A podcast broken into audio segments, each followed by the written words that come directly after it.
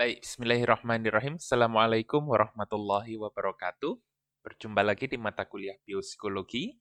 Kali ini kita memasuki pertemuan terakhir ya. Nah, pada pertemuan terakhir ini saya ingin membahas mengenai biologi gangguan psikiatrik dan neurodevelopmental. Nah, di sini kita akan menarik hubungan antara apa yang sudah kita pelajari mengenai saraf, mengenai fungsi dan struktur otak, serta aplikasinya di dalam uh, ilmu psikologi, khususnya mengenai abnormalitas atau gangguan psikologis. Nah, sebelum saya masuk nih ke apa namanya ke dalam materi saya hari ini, uh, ada baiknya kita mengenal terlebih dahulu apa itu gangguan psikologis. Nah, gangguan psikologis uh, didefinisikan di dalam uh, DSM maupun PPDGC sebagai kondisi yang dikarakterisasi oleh gangguan klinis yang signifikan pada fungsi kognisi, regulasi emosi, atau perilaku yang mencerminkan disfungsi psikologis biologis, atau perkembangan yang tidak wajar dan tidak dapat diterima secara budaya.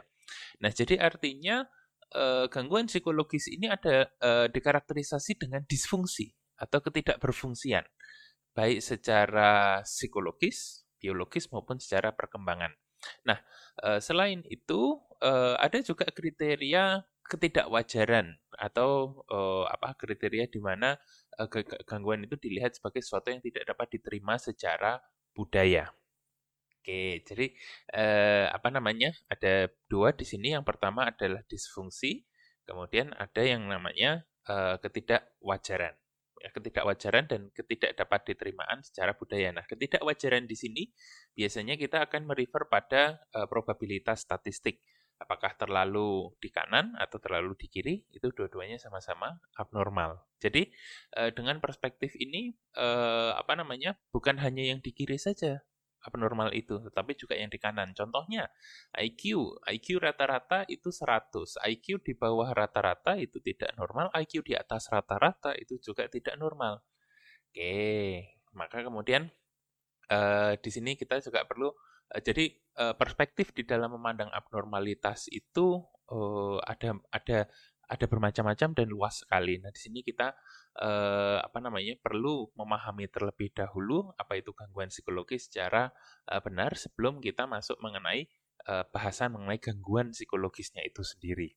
Oke, tetapi nanti uh, saya akan lebih memfokuskan gangguan psikologis di sini dalam definisinya sebagai disfungsi atau, atau tidak ketidakberfungsian secara psikologis.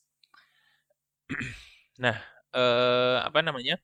Apa sih yang kemudian menyebabkan eh, kemunculannya gangguan psikologis? Nah, eh, di sini ada tiga faktor eh, yang kemudian kita ketahui sejauh ini, yaitu ada keterlibatan faktor biologis, faktor psikologis, dan faktor sosiokultural. Alias nanti kita akan mengenalnya sebagai model biopsikososial.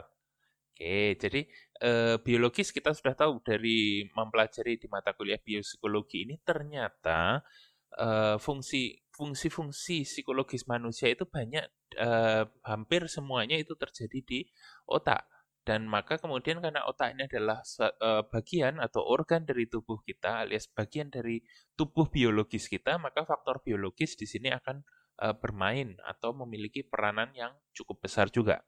Kemudian ada faktor psikologis. Nah, seperti stres, pengalaman stres, trauma, dan lain sebagainya itu memiliki uh, peran juga di dalam membentuk gangguan. Begitu juga faktor sosiokultural alias faktor lingkungan di sekitar kita. Nah, dengan mengintegrasikan ketiga faktor inilah kita dapat memahami gangguan psikologis secara lengkap. Nah, eh, apa namanya contoh contohnya biologis ini adalah faktor keturunan faktor medis, kerusakan otak, atau paparan uh, stimulus lingkungan yang bisa uh, apa namanya menyebabkan gangguan. Nah, kemudian kalau secara psikologis ada uh, gangguan disebabkan karena trauma atau karena proses belajar, misal karena perilaku yang dipelajari menj uh, itu menjadi uh, gangguan yang menjadi gangguan psikologis. Contohnya adalah uh, apa namanya?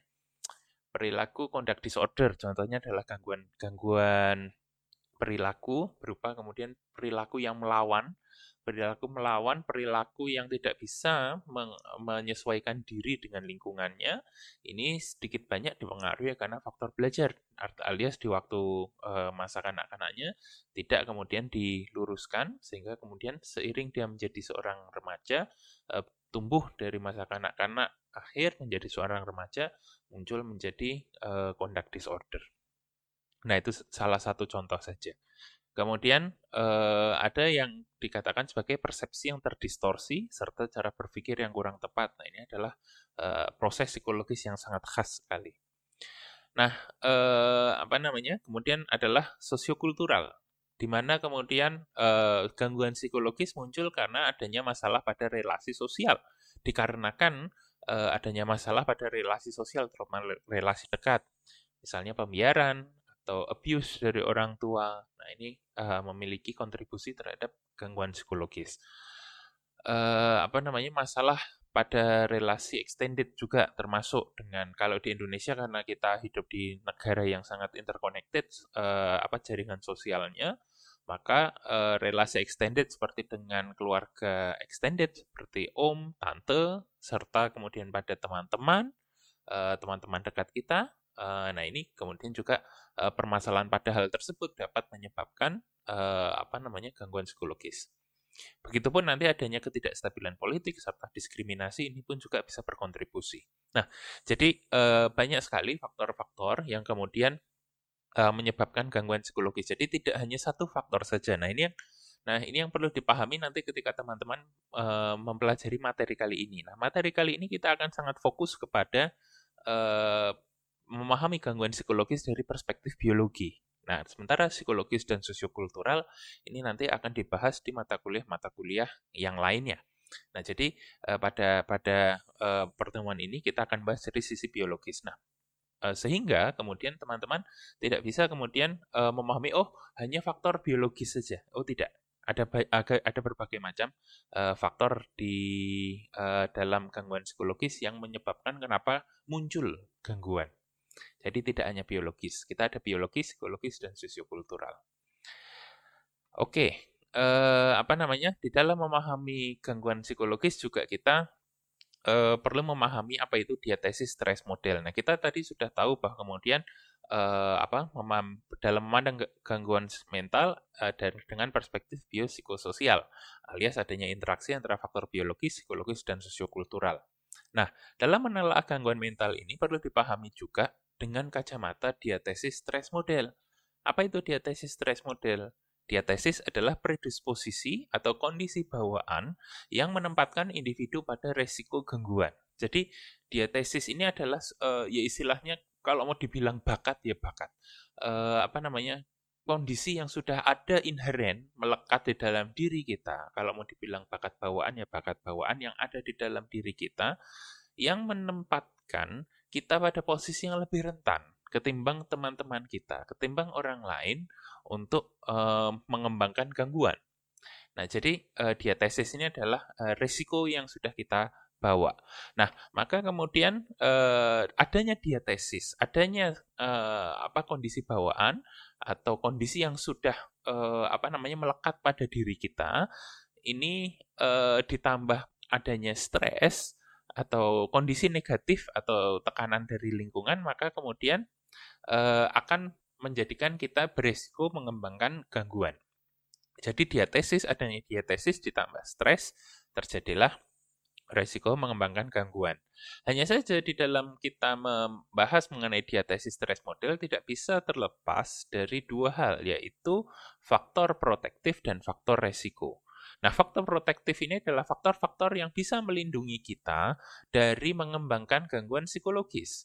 Nah, di sini eh, ada orang yang memiliki diatesis dan stres yang tinggi, tetapi karena adanya faktor protektif seperti misalnya keluarga yang hangat, kemudian teman-teman yang lingkungan sosial yang suportif, eh, citra diri yang baik, Nah, ini kemudian dia tidak develop disorder alias uh, walaupun memiliki diatesis dan uh, berada di dalam stres yang tinggi, tetapi karena uh, memiliki faktor-faktor protektif tadi, dia tidak uh, mengembangkan gangguan. Ad, tetapi kebalikannya ada juga faktor-faktor resiko. Nah, faktor-faktor resiko eh, apa namanya?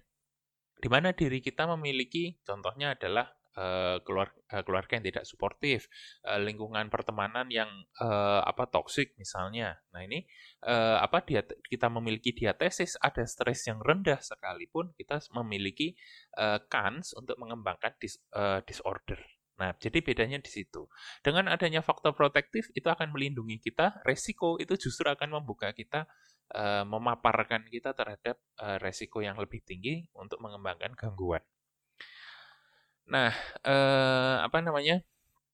Gangguan eh, memahami hal tersebut, sekarang kita akan masuk ke dalam eh, bahasan kita di materi hari ini. Nah, saya ingin membahas yang pertama adalah gangguan neurodevelopmental.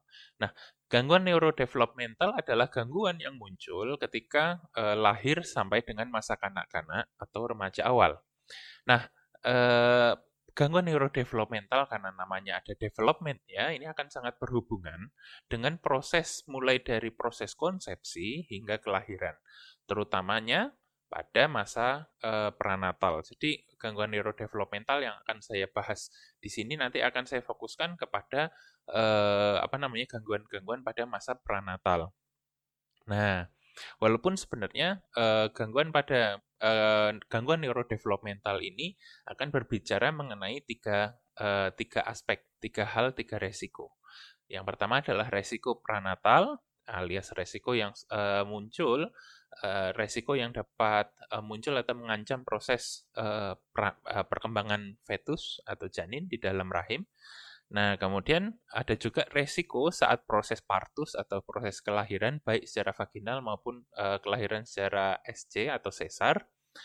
Nah, eh, apa namanya? Jadi memang kemudian di dalam proses partus ini ada ada hal-hal yang dapat eh, menyebabkan eh, apa namanya gangguan neurodevelopmental seperti misalnya hipoksia dan lain sebagainya. Nah, eh, kemudian adanya resiko postnatal atau resiko-resiko yang muncul nanti setelah proses kelahiran. Nah, nah, tetapi utamanya nanti kita akan fokus kepada gangguan neurodevelopmental ini pada uh, resiko prenatal. Tetapi nanti uh, saya juga akan memperkenalkan juga beberapa gangguan yang kemudian biasanya muncul uh, pada masa postnatal juga. Nah, eh, apa namanya? Kenapa kemudian kita memahami atau mempelajari gangguan neurodevelopmental atau gangguan perkembangan ini secara eh, khusus? Nanti kan teman-teman juga ada mata kuliah tentang gangguan perkembangan ya. Nah, eh, karena jika nanti tidak tertangani, ada resiko mengganggu adaptasi pada masa dewasa. Jadi, eh, apa namanya?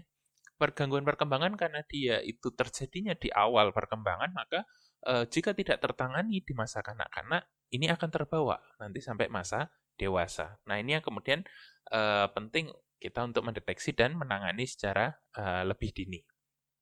Nah, uh, memang kemudian pada akhirnya gangguan neurodevelopmental ini uh, menjadi salah satu jenis gangguan yang paling mendapat perhatian. Mungkin Anda sudah mendengar gangguan seperti ADHD, gangguan seperti autisme. Nah, itu uh, merupakan bahasan di dalam gangguan neurodevelopmental.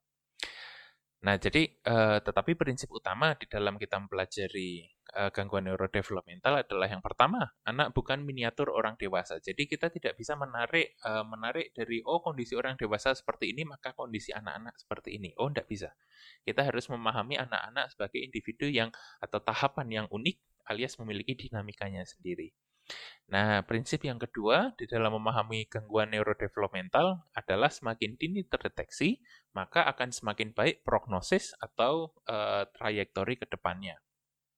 Nah, uh, apa namanya? Saya di sini akan fokus kepada dua gangguan, terutama pada masa prenatal, yaitu adalah uh, FASD atau Fetal Alcohol Spectrum Disorder dan apa namanya kelahiran prematur. Nah, fetal alcohol spectrum disorder. Kemarin uh, ketika membahas tentang perkembangan otak ini juga sempat saya singgung sedikit mengenai FASD ini.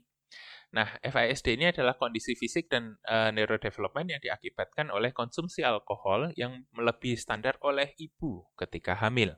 Nah, uh, apa namanya karena namanya adalah spektrum fetal alkohol spektrum artinya ada banyak jenis uh, gangguan di dalamnya.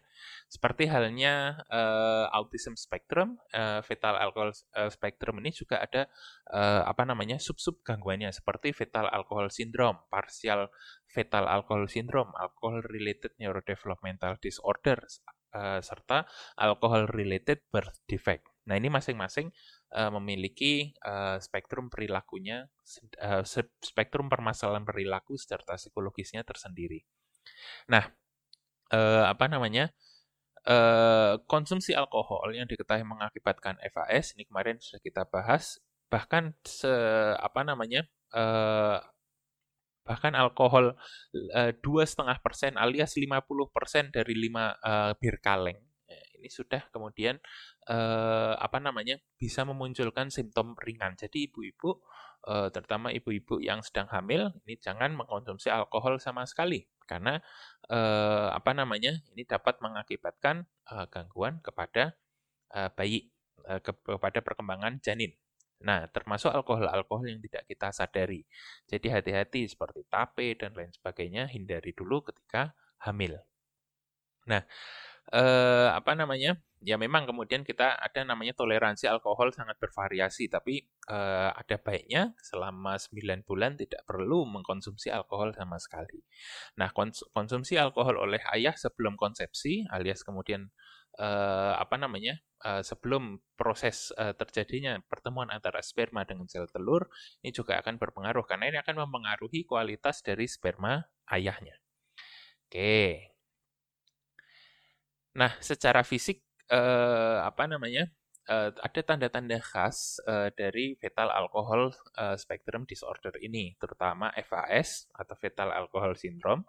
Yang pertama adalah perkembangan fisik, di mana eh, perkembangan fisiknya terhambat, eh, di mana ini eh, seperti berat dan panjang anak yang mengalami FAS ini eh, lambat alias kemudian eh, apa namanya tidak tidak berkembang uh, sebaik anak-anak yang lainnya.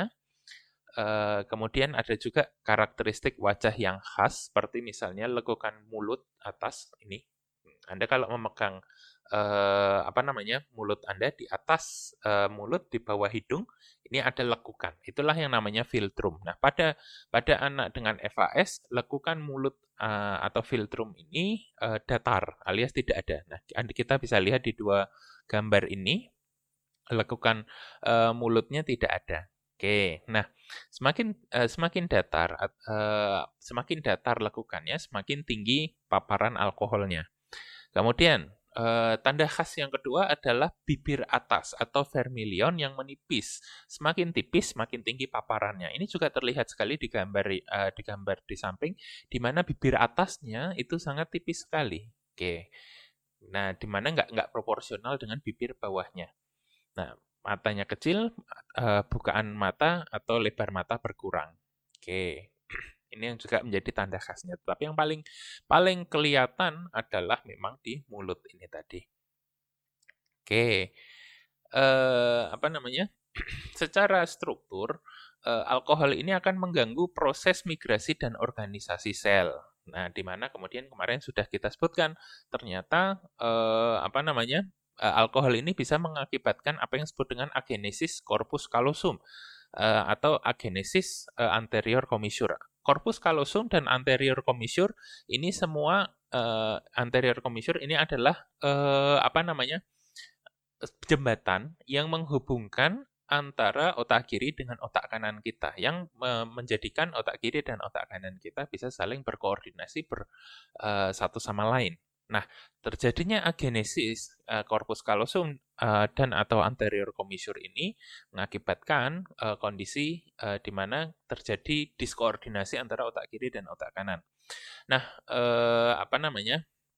Kita juga kita kita tahu di bahasan kemarin di buku juga ada bahasan mengenai uh, split uh, split brain uh, kondisi yang disebut dengan split brain di mana kemudian uh, kita tidak mengenali bagian dari tubuh kita karena bagian dari tubuh kita dikontrol oleh bagian otak yang berbeda. Bagian tubuh sebelah kanan dikontrol otak kiri, bagian tubuh sebelah kanan di, uh, di, uh, dikontrol otak, oleh otak kiri, kemudian bagian tubuh sebelah kiri dikontrol oleh otak kanan. Jadi ada persilangan. Nah, dampaknya ketika tidak bisa berkomunikasi ya tidak bisa mengenali oke tidak bisa mengenali bagian tubuhnya sendiri itu yang itu kondisi yang parah nah eh, apa namanya ada juga agenesis olfactory bulb sehingga kemudian menyebabkan dia tidak bisa membaui karena uh, bulbus olfactory ini adalah uh, organ yang utama akar dari saraf-saraf pembau. Kemudian ada namanya cerebral hipoplasia. Jadi uh, ada jarak antara, antara uh, cerebrum dengan bagian otak yang lainnya seperti cerebellum, pons, dan batang otak. Jadi ada jarak. Terhubung, tetapi harusnya ini kan penuh. Tetapi pada kondisi cerebral hipoplasia ini terjadi uh, apa namanya adanya jarak alias pengecilan di cerebrum. Ada juga kondisi uh, mikrosefali di mana kepalanya kecil. Kemudian ada kondisi spina bifida juga. Ini juga bisa khas sekali pada FASD di mana perkembangan saraf tulang belakangnya tidak uh, tidak berkembang secara normal, di mana seharusnya dia berada di dalam, saraf tulang belakang itu berada di dalam.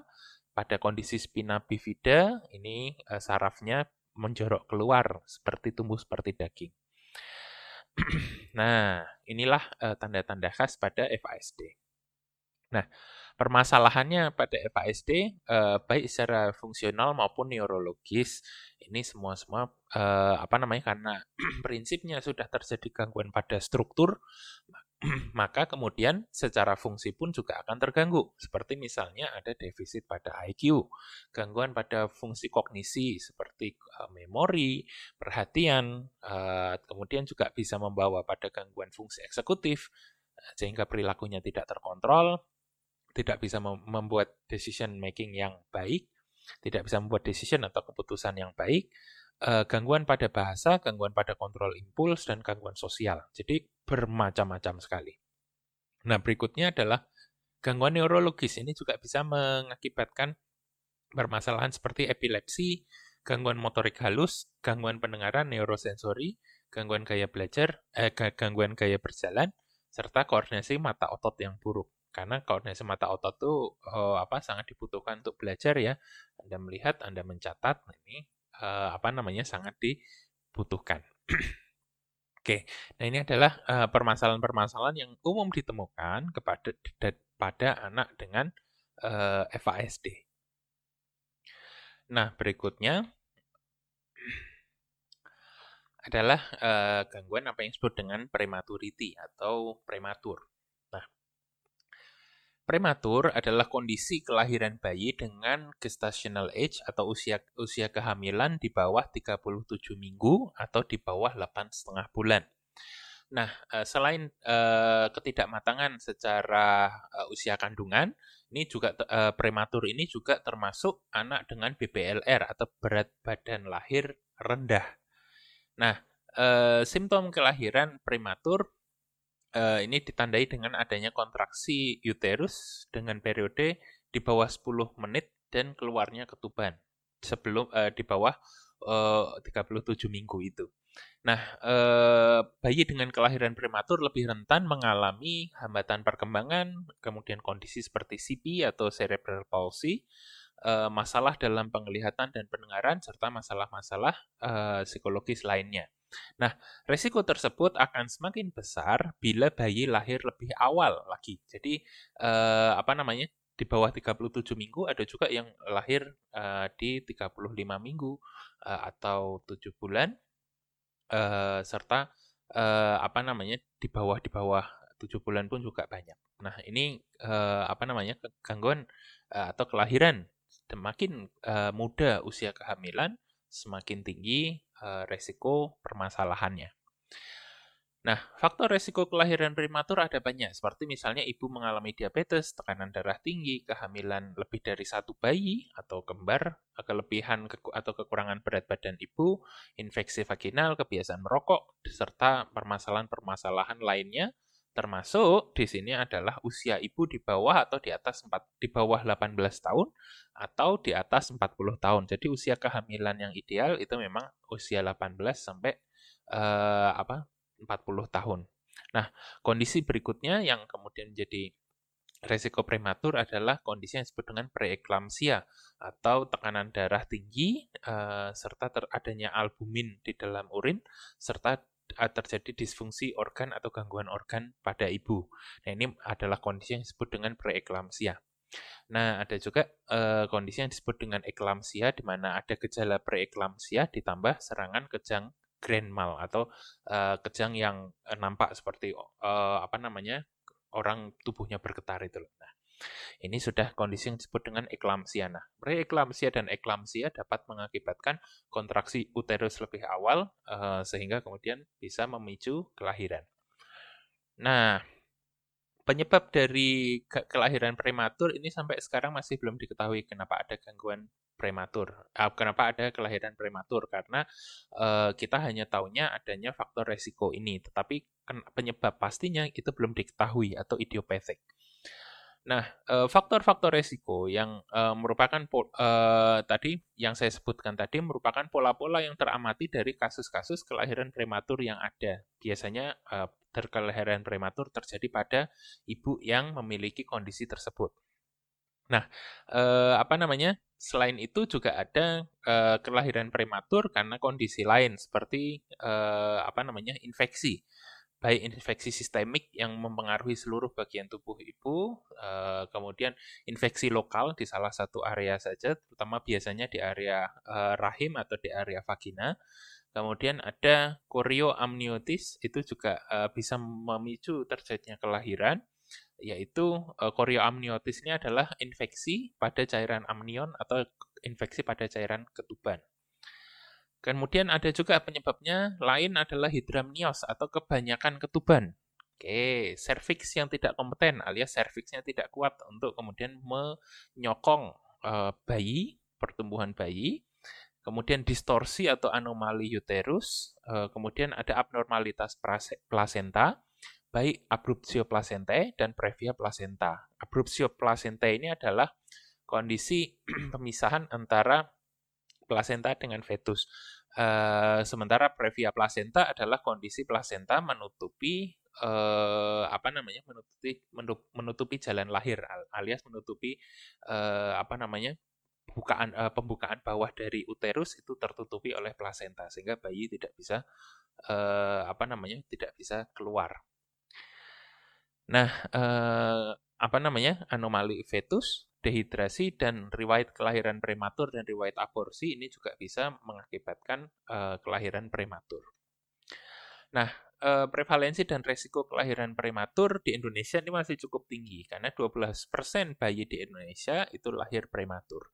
Indonesia merupakan urutan kelima negara dengan kelahiran prematur terbanyak dan merupakan salah satu penyumbang angka kematian bayi di Indonesia. Jadi kelahiran prematur ini uh, merupakan salah satu penyumbang terbesar ang angka kematian bayi. Karena apa? Karena kemungkinan bayi hidup itu akan menurun seiring dengan uh, semakin mudanya usia kehamilan.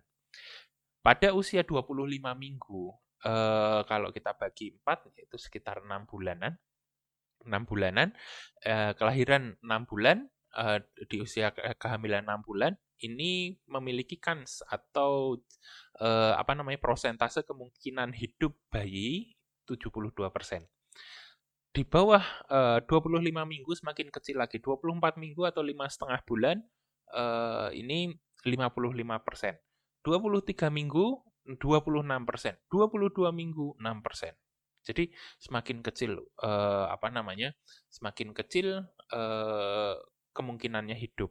Nah, kemungkinan hidup tanpa ada gangguan perkembangan lebih kecil lagi dari uh, prosentase yang disebutkan itu tadi. Nah, karena apa ya? Uh, ini adalah kondisi uh, bayi lahir prematur uh, ini adalah bayi prematur, baik tidak matang usia kehamilannya maupun berat badan lahir rendah. Ini berat bayi di bawah 1 kilo itu sangat umum sekali ditemukan. Anda bisa melihat di sini berat bayinya sangat kecil sekali, bahkan satu kantung gula satu kilo aja lebih berat ketimbang bayi tersebut. Nah ini saudara-saudara, uh, apa namanya? Uh, selain selain usia kehamilan, uh, berat badan bayi itu juga menjadi penting. Karena uh, pada usia kehamilan 37 minggu ke atas uh, berat bayi normal itu berada di kisaran dua setengah kilogram sampai uh, apa namanya tiga setengah kilo. Itu itu itu wajarnya uh, berat badan bayi lahir. Nah di bawah itu uh, apa namanya di bawah itu bisa menjadi kelahiran berat badan bayi rendah, berat badan bayi lahir rendah. Nah, uh, atau BPLR. Nah, uh, apa namanya? Kondisi BPLR ini juga disebut sebagai kondisi dismatur atau kondisi prematur. Nah, kenapa kemudian apa namanya? Bayi yang lahir sebelum uh, 37 minggu, terutama semakin di bawah eh, uh, 27 minggu itu semakin tidak viable atau kemudian akan terjadi resiko kematian bayi yang lebih tinggi, ini berkaitan dengan uh, kematangan otak. Karena kita tahu bahwa kemudian otak manusia uh, itu akan mengalami proses maturasi di dalam apa namanya di dalam rahim. Jadi ketika sudah keluar, ketika sudah keluar dari rahim, ketika uh, sudah dilahirkan proses uh, perkembangan otak akan berhenti. Berhentinya apa? Uh, berhentinya hanya akan terjadi uh, proses akan terjadi hanya akan terjadi proses synaptic pruning saja, tinggal uh, mem mem memangkas proses sinapsis serta membuat proses membuat hubungan sinapsis baru. Tetapi uh, apa namanya proses migrasi, mielinasi, dan lain sebagainya itu sudah uh, berhenti ketika seorang uh, dilahirkan. Seperti yang sudah kita pelajari dulu di uh, apa namanya perkembangan otak di materi-materi awal. Nah, apa namanya? Ini kita melihat sendiri. Tadi kan di sini dikatakan pada usia 25 minggu itu 72 persen. Ya kita lihat saja otak ketika masa 20 uh, eh, ada sang ada perbedaan besar antara otak uh, apa bayi yang lahir usia 24 minggu dengan usia 27 minggu. Di mana di sini lekukan-lekukannya itu sudah semakin kentara. Adanya lekukan ini artinya kan ada kepadatan sinapsis, ada kepada kepada kepadatan hubungan di situ serta uh, apa namanya? Uh, kemat uh, kematangan-kematangan fungsi yang lainnya. Sehingga kemudian ketika uh, dia lahir sebelum uh, di atau di bawah usia 25 minggu ini kemudian semakin tidak viable karena otaknya sendiri belum matang. Karena otak ini adalah uh, tempat di mana uh, apa namanya semua proses psikologis itu terjadi baik fisik maupun psikologis itu terjadi maka ketidakmatangan otak maka uh, terjadi ketidakberfungsian Oke, seperti itu. Nah, eh, ketika membahas mengenai pre, eh, prematur secara psikologis terutama, pertanyaannya adalah akankah ada gangguan perkembangan dan proyeksi permasalahan untuk ke depannya? Nah, eh, berdasarkan hasil-hasil studi menunjukkan bahwa ada gangguan perkembangan yang terasosiasi dengan kondisi prematurity. 10% anak prematur memiliki gangguan berat, 50-70% memiliki kondisi-kondisi di bawah ini. Nah, seperti misalnya prestasi akademik yang lebih rendah, eh, sebesar 7,2 sampai 11,4 poin lebih rendah dibanding teman-teman sebayanya. Permasalahan perilaku ini sangat umum sekali ditemukan kepada uh, dalam anak uh, pada anak prematur, uh, baik permasalahan internalisasi maupun eksternalisasi. Oke, uh, dia juga memiliki resiko yang lebih tinggi, uh, memiliki rasio 1 banding 2,64 uh, lebih tinggi dibanding teman-teman uh, sebayanya untuk didiagnosa uh, ADHD. Kemudian ada defisit-defisit neuropsikologis yang mengakibatkan dia rentan dengan kecemasan dan depresi. Serta ada eh, apa namanya kemungkinan dia mengalami tinggal kelas atau kemudian harus eh, mengambil eh, jalur pendidikan khusus karena untuk mengakomodasi kesulitan-kesulitan secara kognitifnya tersebut. Ah, yang kemudian uh, gangguan perkembangan yang terasosiasi dengan prematurity. Nah, uh, bahkan gangguan-gangguan ini juga nampak pada anak prematur dengan IQ yang normal sekalipun. Oke. Nah, uh, apa namanya? Itulah gangguan gangguan-gangguan pada masa prenatal. Nah, kesimpulannya, dalam menelaah permasalahan neuropsikologis perlu mempertimbangkan dua hal, yaitu struktur dan fungsi otak. Nah, gangguan pada masa prenatal umumnya akan menyebabkan masalah di tingkat struktur otak, baik pada FASD maupun pada gangguan uh, kelahiran prematur. Itu semua permasalahannya berakar pada struktur otak. Nah, kita tahu bahwa pada pada FASD itu ada uh, apa agenesis corpus callosum, agenesis anterior commissure, uh, mikrosefali, kemudian ada uh, cerebral hipoplasia. Nah, itu uh, apa namanya? Itu kan sudah permasalahan pada tingkat struktur. Maka ketika strukturnya sudah bermasalah, maka uh, fungsinya jelas akan bermasalah. Sementara pada uh, masa pada kelahiran uh, apa preterm atau uh, apa namanya? Uh, gangguan uh, prematur, uh, gangguan kelahiran prematur ini uh, apa namanya?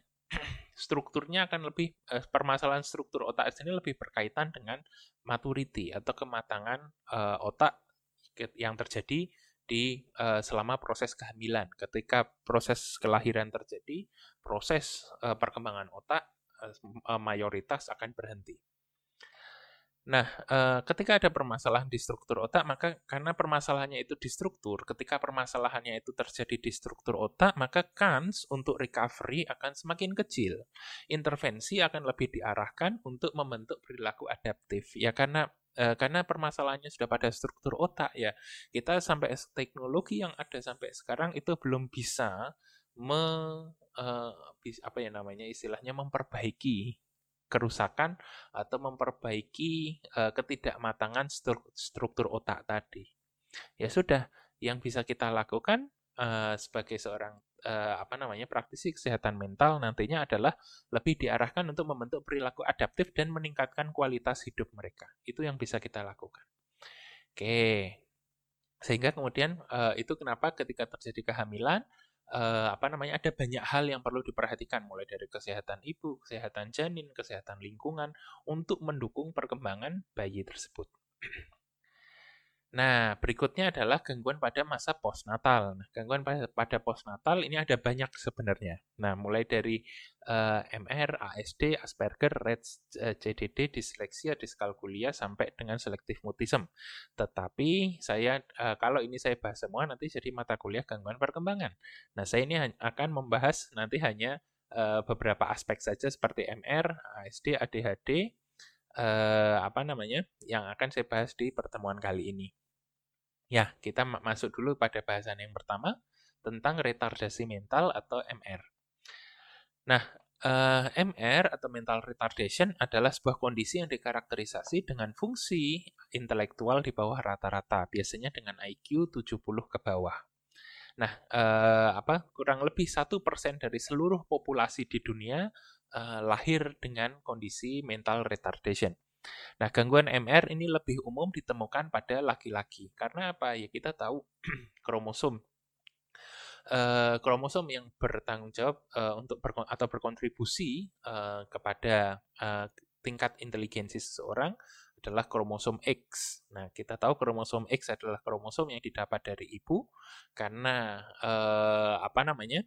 pada pada anak laki-laki uh, hanya ada satu pasang kromosom X dan satu pasang kromosom Y alias XY, maka kerusakan pada kromosom X akan mengakibatkan mental retardation. Nah, maka kemudian pada uh, ini kenapa MR lebih umum ditemukan pada anak laki-laki? Simply karena kromosom anak laki-laki uh, hanya memiliki satu kromosom X dan satu kromosom Y. Sementara pada anak perempuan uh, ada dua kromosom X alias XX. Ingat perempuan XX, laki-laki XY. Oke, seperti itu. Nah, eh, karakteristik MR ini ada eh, dikarakterisasi dengan adanya gangguan fungsi kognitif, mulai dari memori, bahasa, decision making, executive functioning, dan lain sebagainya.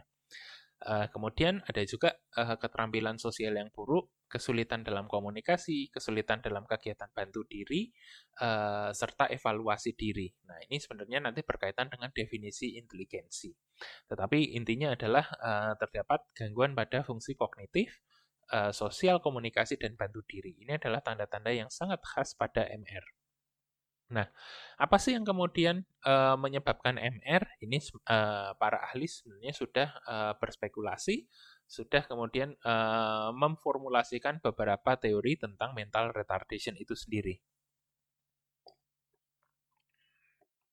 Nah, ya teori yang pertama adalah teori MR sebagai kondisi bawaan di mana kemudian uh, eh, MR ini biasanya ditunjukkan atau didahului dengan adanya kondisi yang disebut dengan fenilketonuria atau PKN yang menyebabkan uh, tumpukan fenilalanin yang menye menyebabkan kerusakan pada sistem saraf. Oke. Kemudian uh, selain dengan fenil uh, kondisi fenilketonuria ada juga uh, kondisi yang disebut dengan Tay-Sachs disease, di mana uh, bayi tidak memiliki enzim heksoamindase A atau HEX-A yang menyebabkan tumpukan lemak pada sel syaraf uh, yang menyebabkan degenerasi sel saraf dan kematian saraf. Oke, ini adalah Tay-Sachs disease, jadi berkaitan dengan uh, tumpukan lemak uh, pada sel saraf yang menyebabkan kerusakan dan kematian saraf. Nah, ini kemudian ada yang kondisi yang disebut dengan Fragile X syndrome. Nah, kondisi yang disebabkan karena mutasi pada gen Fragile X mental retardation 1 atau F, eh, apa FMR1 pada kromosom X. Oke, uh, Fragile X syndrome ini uh, ditandai dengan adanya peningkatan pada jumlah uh, pengulangan trinukleotida CGG karena ingat kondisi uh, apa namanya struktur DNA ya. Oke, uh, apa namanya pengulangan trinukleotida CGG pada area 5 untranslated pada FMR1 uh, eh, pada gen uh, pada gen FMR1 ini uh, apa namanya mengakibatkan kondisi MR. Nah, Fragile X syndrome ini merupakan salah satu uh, kontributor terbesar uh, apa namanya? kontributor terbesar uh, adanya mental retardation atau kemunculan mental retardation. Kemudian ada juga eh, apa namanya kondisi yang disebut dengan trisomi 21 atau kondisi di mana ada pasangan ketiga di dalam kromosom nomor 21. Nah, ini yang kita kenal dengan kondisi yang disebut dengan Down syndrome. Oke. Nah, eh, ini adalah teori-teori eh, kondisi bawaan mengenai mental retardation. Nah, Uh, teori yang lain adalah dampak lingkungan, seperti misalnya ada paparan radiasi, zat berbahaya atau obat-obatan selama uh, proses kehamilan maupun perkembangan awal anak. Kemudian adanya malnutrisi ketika uh, hamil, kan, malnutrisi ibu ketika hamil. Ini maka kemudian uh, penting juga untuk memperhatikan gizi atau konsumsi ibu selama masa kehamilan. Oke. Jadi ibu-ibu uh, apa namanya dan bapak-bapak juga calon bapak-bapak di sini silahkan perhatikan Besok uh, istri Anda ketika hamil, silahkan penuhi nutrisinya, silahkan dipenuhi uh, semua uh, apa namanya zat-zat yang penting yang harus dikonsumsi supaya memastikan kehamilan atau perkembangan janin itu menjadi baik. Kemudian infeksi pada ibu uh, ketika masa pembentukan otak. Nah ini uh, apa namanya kondisi seperti rubella serta toksoplasmosis ini juga bisa mengakibatkan uh, apa namanya kondisi MR.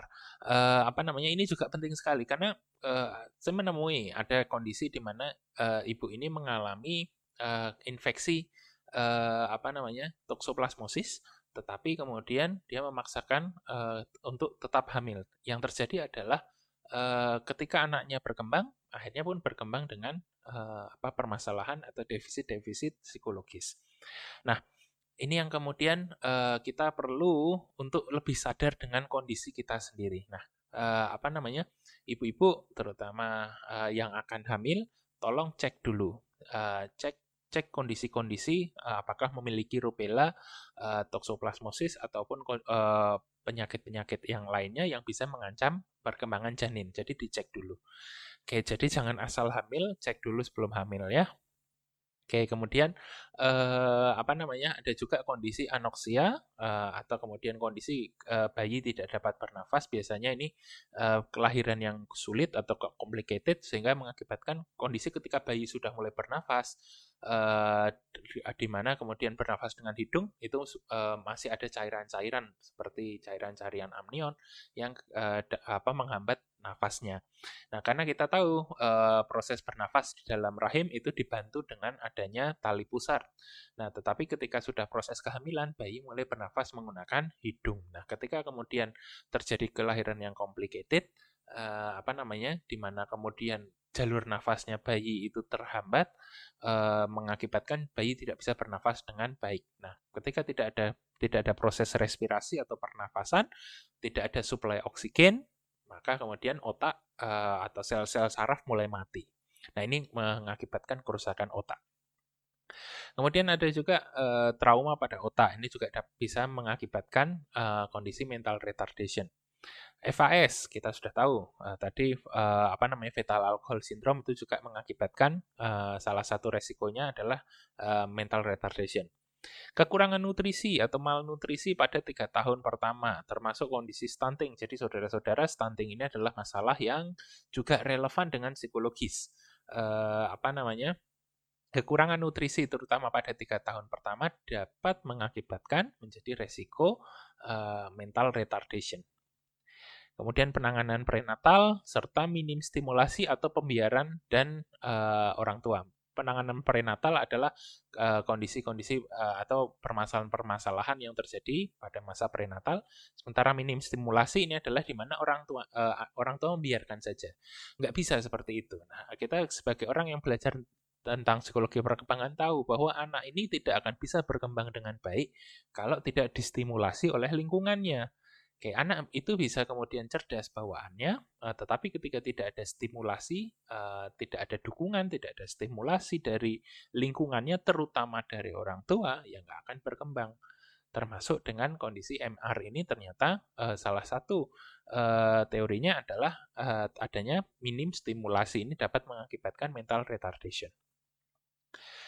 Oke, uh, eh, MR uh, eh, MR sendiri itu diklasifikasikan menurut PPDGJ 3 itu diklasifikasikan berdasarkan uh, tingkatan IQ-nya. Nah, uh, mulai dari apa yang disebut dengan tunagrahita ringan, ini IQ-nya 50 sampai 69 di skala Bini maupun Wechsler ya eh, apa namanya sedikit hambatan pada kematangan eh, sosial emosional, kesulitan dalam pekerjaan sekolah yang tipikal, keterlambatan bahasa, tetapi masih bisa dididik dengan pendidikan khusus. Nah ini kondisi ya, apa yang disebut dengan tunagrahita ringan ini di kondisi yang disebut dengan mampu didik. Jadi anak dengan tunagrahita ringan ditempatkan di sekolah eh, dengan pendidikan khusus atau sekolah inklusi, ini juga bisa eh, masih bisa menjalani proses pendidikan. Nah, lebih uh, lebih rendah dari itu adalah kondisi tunagrahita sedang. IQ 35 sampai 49 ini adalah kesulitan dalam memahami dan menggunakan bahasa. Nah, kemampuan akademiknya sangat terbatas, keterampilan motoriknya terlambat, komunikasi dan keterampilan sosial sangat terbatas, bagian besar membutuhkan pengawasan sepanjang hayat atau seumur hidup. Bisa melakukan kegiatan praktis sederhana di bawah supervisi, mampu masih mampu dilatih untuk rawat diri. Jadi uh, untuk melakukan kegiatan basic untuk merawat dirinya sendiri, uh, makan, minum di kamar mandi itu masih bisa. Alias ini yang kondisi yang disebut dengan mampu latih. Tetapi untuk bekerja, untuk mengenyam pendidikan ini sudah agak sulit. Oke. Nah, uh, alias membutuhkan pendampingan atau pengawasan. Nah, eh, apa namanya tunagrahita berat dengan IQ 20 sampai 34 ditandai dengan adanya perkembangan motorik buruk, kemampuan bahasa minimal, komunikasi terbatas masih bisa dilatih dengan keterampilan rawat diri yang rawat diri yang paling mendasar. Oke, eh, apa namanya? Di bawah itu, di bawah 20 ini adalah eh, apa namanya kondisi tunagrahita sangat berat IQ di bawah 20 di mana keberfungsian sensori motor sangat minimal, sangat terbatas kemampuannya untuk mematuhi atau memahami permintaan atau instruksi, hanya mampu mengadakan komunikasi verbal yang belum sempurna dan membutuhkan perawatan intensif. Nah, ini adalah kondisi yang disebut dengan mampu rawat. Nah, tunagrahita berat ini tadi adalah itu yang di bawah 20 sangat berat. Nah, tunagrahita berat IQ 20 sampai 34 ini berada di tengah-tengah antara mampu latih dengan mampu rawat. Oke, jadi eh, apa namanya mampu latih atau mampu rawat ini perlu dievaluasi sesuai dengan eh, apa namanya tingkatan eh, kesulitannya atau tingkatan hambatannya. Nah, Uh, kondisi IQ di bawah 25 ini juga mengakibatkan uh, apa namanya usia harapan hidup yang rendah. Biasanya uh, apa namanya individu dengan IQ di bawah 25 alias sudah mendekati tunagrahita berat uh, sangat berat uh, ini uh, usia harapan hidupnya rendah juga. Oke. Okay. Itu adalah mental retardation.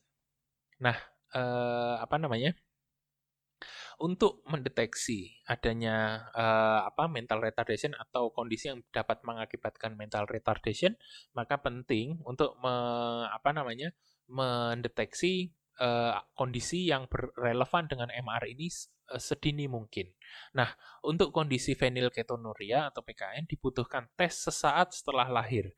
Jika terdeteksi adanya PKU atau fenilketon uh, uh, apa fenilketonuria uh, maka kon, uh, gangguan dapat dimitigasi dengan asupan makanan khusus. Nah, akan tetapi kondisi selain PKU uh, seperti misalnya Tay-Sachs disease, Fragile X syndrome, trisomi 21 karena penyebabnya itu sudah di level genetik, maka kemudian tidak ada obat atau penyembuhan untuk MR.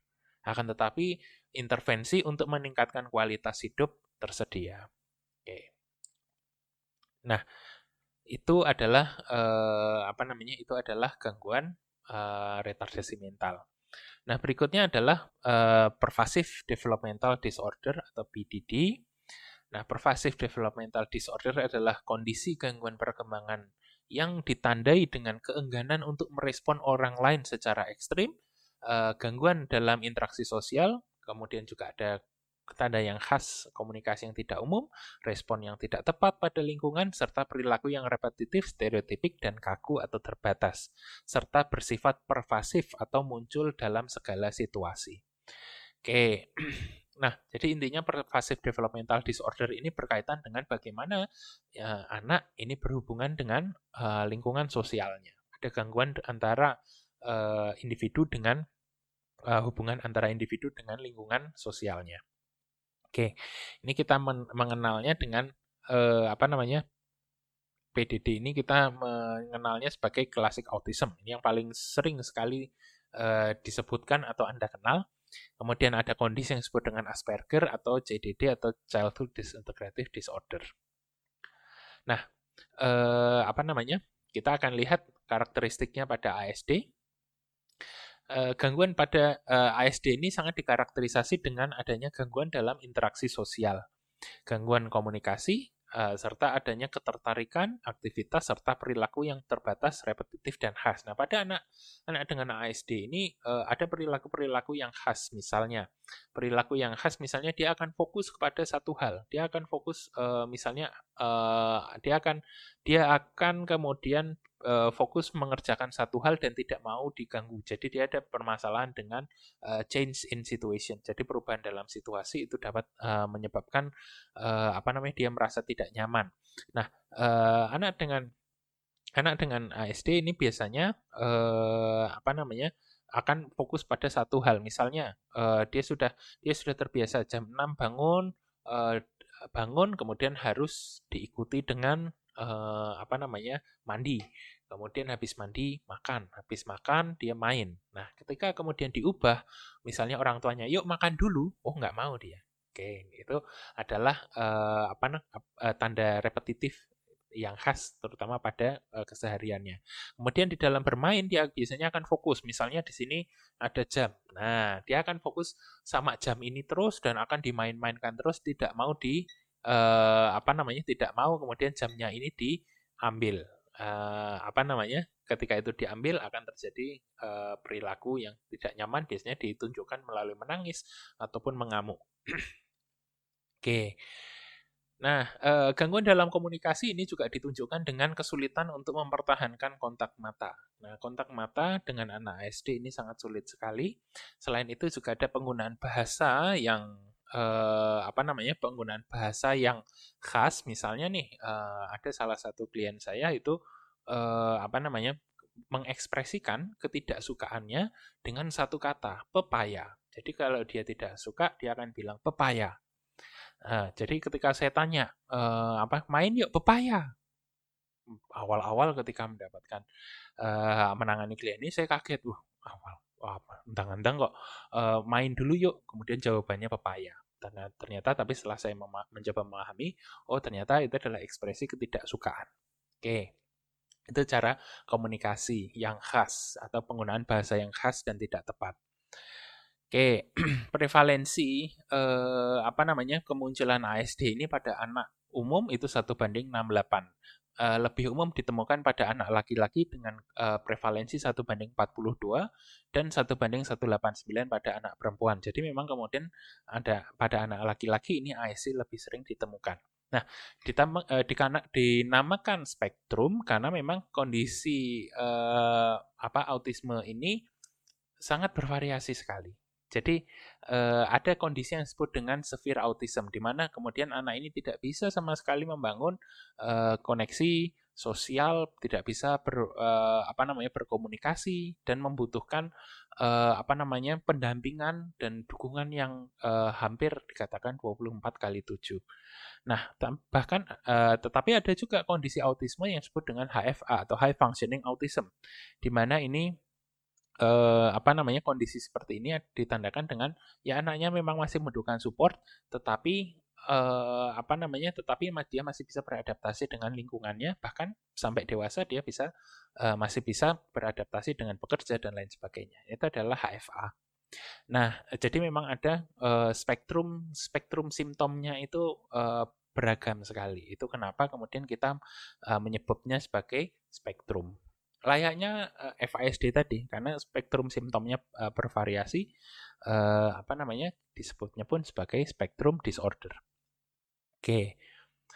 Nah, apa namanya? Ini adalah salah satu ilustrasi. Ini salah satu penelitian yang membandingkan bagaimana anak dengan autisme dengan anak tipikal itu me, apa namanya melihat sebuah gambar atau sebuah film. Nah, ini uh, riset ini menggunakan eye track move uh, eye tracking move uh, eye movement tracker.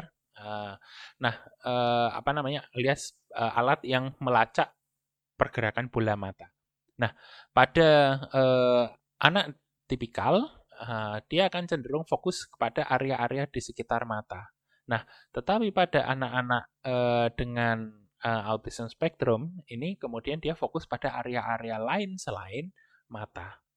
Nah, begitupun ketika dilihat bagaimana dia melihat sebuah film. Nah, ketika uh, melihat sebuah film, ketika terjadi dialog, ini akan uh, kita akan fokus kepada orang yang sedang berbicara, baik di apa namanya, baik di matanya maupun di uh, apa namanya wajahnya ya, fokusnya di wajah. Tetapi pada anak dengan autisme dia akan tidak akan fokus kepada apa namanya area-area tersebut. Dia hanya akan fokus kepada area-area yang tidak khas lainnya. Oke, seperti misalnya mulut, nanti dilihat ke bagian lain dan tidak fokus. Seperti itu. Ini adalah yang menggambarkan uh, bagaimana kemudian uh, apa fungsi sosialnya dalam kehidupan sehari-hari. Oke. Nah, uh, autism spectrum disorder sendiri ini masih uh, salah satu gangguan yang masih uh, dipelajari atau masih dicari penyebab-penyebabnya.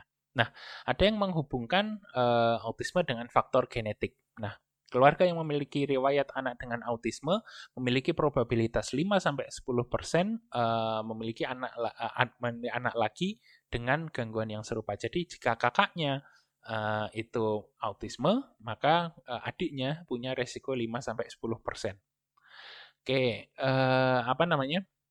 Hasil-hasil penelitian menunjukkan beberapa komponen seperti gen reseptor oksitosin, uh, kromosom 11, terutama 11P12 dan 11P13, uh, lengan kromosom 2Q, 7Q, dan 15Q, serta mutasi pada gen SHANK123, ini yang menjadi uh, apa namanya menjadi uh, komponen biologis yang atau genetis yang bertanggung jawab uh, yang menyebabkan uh, kemunculan autism spectrum disorder itu sendiri. Jadi ada ada berbagai macam, mulai dari uh, apa namanya mutasi pada gen reseptor oksitosin, uh, mutasi pada kromosom 11 dan P12 dan 13, dengan kromosom 2Q, 7Q, 15Q serta SHANK123 ini.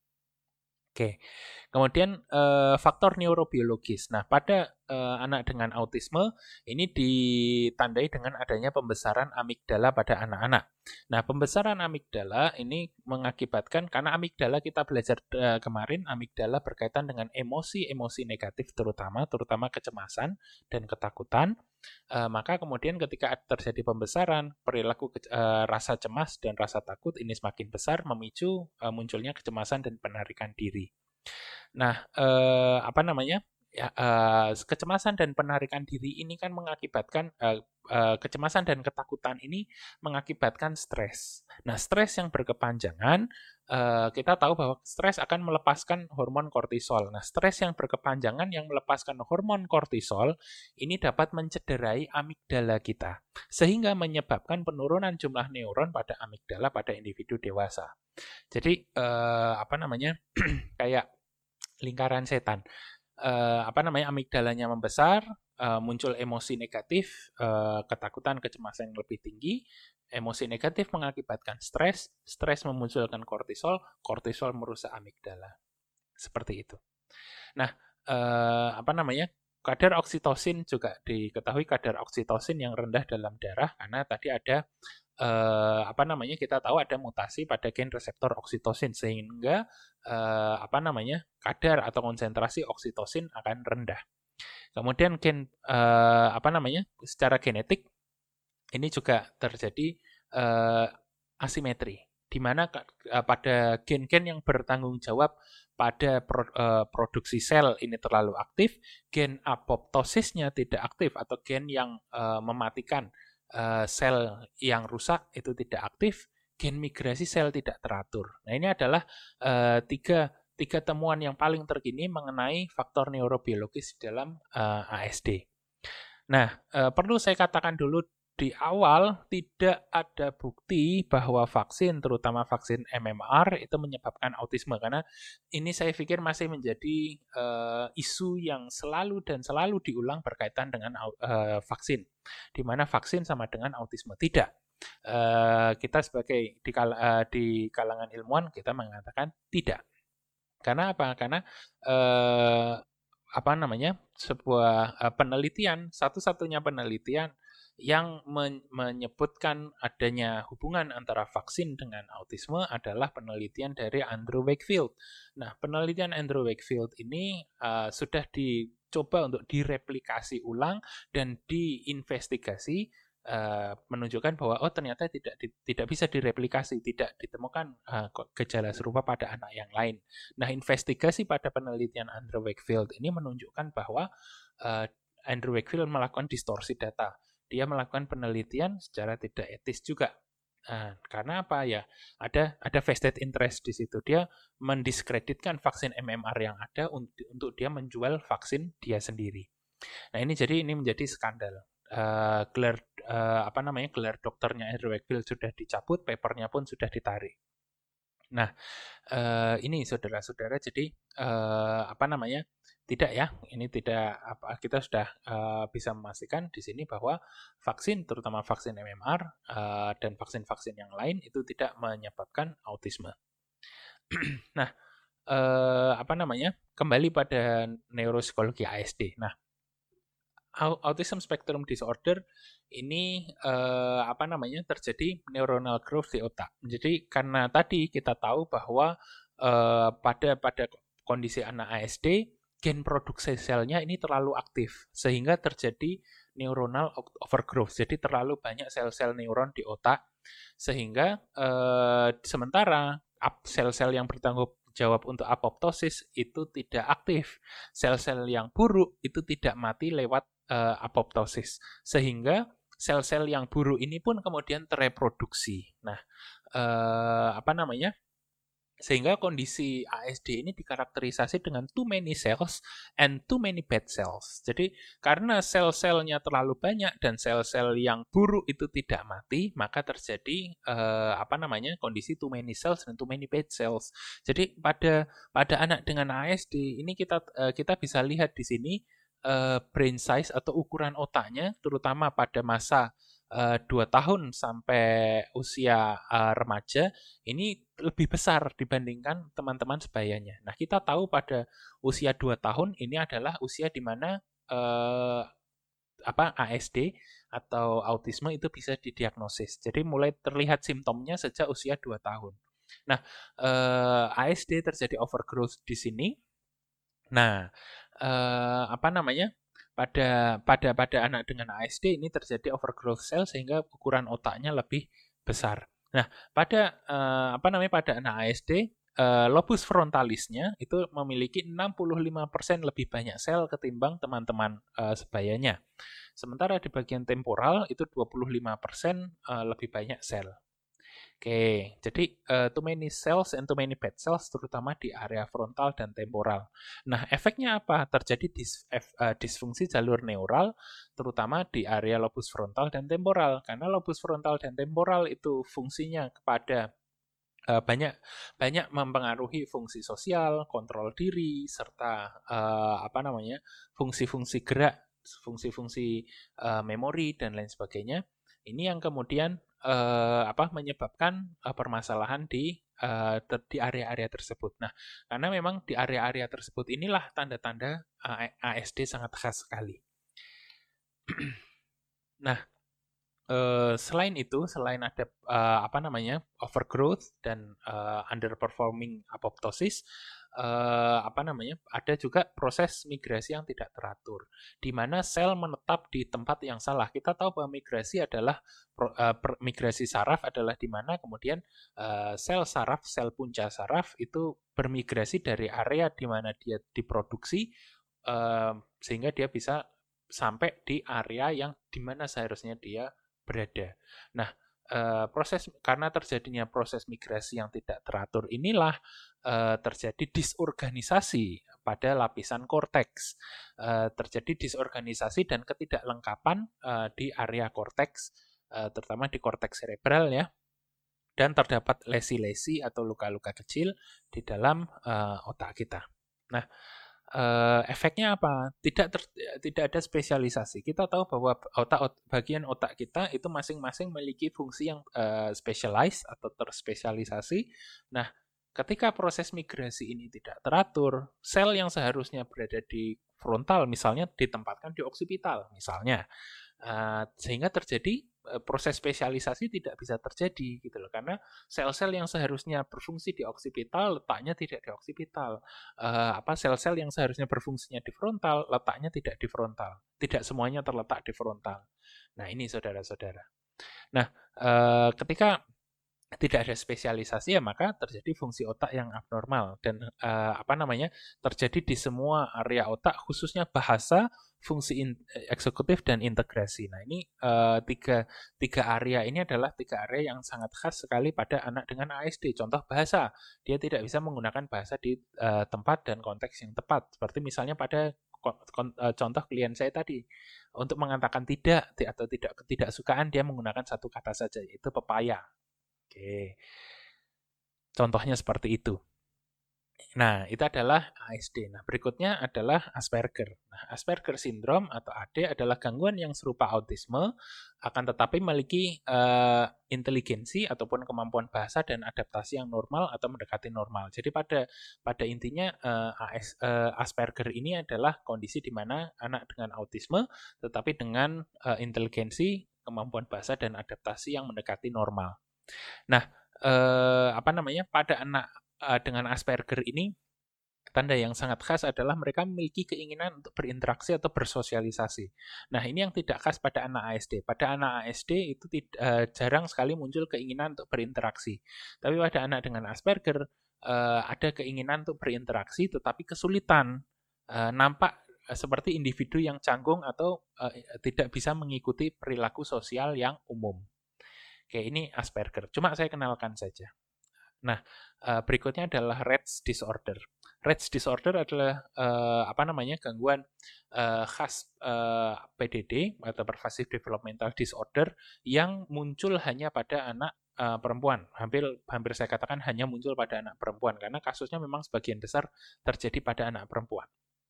Nah, Rett disorder ditandai dengan anak berkembang nampak berkembang secara normal pada lima bulan pertama, akan tetapi antara lima bulan sampai empat tahun um, nampak perubahan yang menandakan adanya gangguan neurologis dan gangguan kognitif. Nah, salah satu tanda yang khas adalah perkembangan ukuran kepala yang menurun. Kehilangan kemampuan motorik di tangan diikuti dengan gerakan tangan yang khas dan repetitif. Uh, kehilangan dorongan untuk uh, kontak sosial serta gerakan tubuh yang tidak terkoordinasi dan retardasi psikomotor. Jadi, Rett disorder ini lebih uh, pada uh, apa namanya permasalahan yang khas sekali pada permasalahan motorik. Uh, meskipun ditemukan juga permasalahan di level kognitifnya juga. Nah, uh, gangguan pada kognitifnya uh, ini salah satunya pada bahasa, gangguan berat pada bahasa. Nah, penyebabnya apa? Rett disorder ini. Penyebabnya adalah mutasi gen MECP2 pada kromosom X. Nah, itu Rett disorder. Kemudian ada kondisi yang disebut dengan Childhood Disintegrative Disorder atau CDD. Nah, childhood CDD ini adalah kondisi di mana anak nampak berkembang secara normal selama periode 2-4 tahun, akan tetapi sebelum usia 10 tahun, mulai menunjukkan kehilangan kemampuan bahasa. Jadi awalnya dia bisa sampai 2-4 tahun, tetapi setelah 4 tahun, sebelum usia 10 tahun, mulai terjadi penurunan secara gradual. Penurunan mulai dari kemampuan bahasa, uh, kemampuan adaptasi, kemampuan motorik, sosial, uh, diikuti dengan pola perilaku, ketertarikan, dan aktivitas yang khas dan repetitif. Jadi 2-4 tahun tidak ada uh, tanda-tanda atau gejala perilaku tersebut, tetapi mulai 4 tahun sampai uh, sebelum usia 10 tahun mulai muncul apa namanya permasalahan ini. Nah, ini sangat langka terjadi uh, pada satu dari 100 ribu kelahiran karena uh, penyebab fisiknya belum diketahui, akan tetapi ada beberapa mutasi genetik yang langka terjadi uh, pada kondisi CDD ini. Oke. Nah, berikutnya adalah uh, ADHD atau Attention Deficit Hyperactivity Disorder. Nah, ADHD uh, eh, dikarakterisi dengan perilaku sulit fokus pada tugas-tugas sekolah maupun pekerjaan atau hiperaktivitas dan impulsivitas yang cenderung menetap dan tidak pantas secara usia. Nah, ini yang perlu perlu dipahami mengenai uh, apa namanya ADHD karena kita perlu membedakan perilaku yang khas pada anak-anak usia tersebut dengan perilaku yang tidak uh, tidak wajar, tidak sesuai dengan tingkatan usianya. Oke. Nah, uh, karena karena apa? Karena kalau kita hanya me, eh, apa namanya menggunakan kriteria luas dari ADHD, uh, apa namanya semua uh, hampir semua anak nanti dicap ADHD, padahal tidak seperti itu. Oke, apa namanya? ADHD ini juga dapat ditandai dengan adanya defisit yang dapat mengganggu pencapaian akademik dan relasi sosial. Nah, terdiri dari tiga subtipe ADHD sendiri, yaitu uh, subtipe inattentif, uh, memenuhi enam kriteria uh, apa namanya uh, inatensi, kemudian uh, hiperaktif impulsif memenuhi kriteria uh, hiperaktivitas. Uh, A1 itu adalah kriteria inatensi, A2 kriteria hiperaktivitas, uh, masih nanti jadi uh, kenapa saya menyebutkan enam kriteria di sini? Karena sebenarnya ada alatnya ada ada alatnya untuk mendeteksi ADHD dan ada pedoman diagnosisnya. Nah kalau dia memenuhi enam kriteria inatensi maka disebut sebagai tipe inatensi. Kalau di uh, apa setidaknya memenuhi enam kriteria hiperaktif impulsif maka kemudian uh, lebih cenderung kepada hiperaktif impulsif. Nah ada juga uh, tipe kombinasi di mana uh, anak memenuhi 6 kriteria A1 dan A2 setidaknya selama 6 bulan. Oke, jadi inatentif dan hiperaktif impulsif. Oke. Nah, pada uh, apa namanya?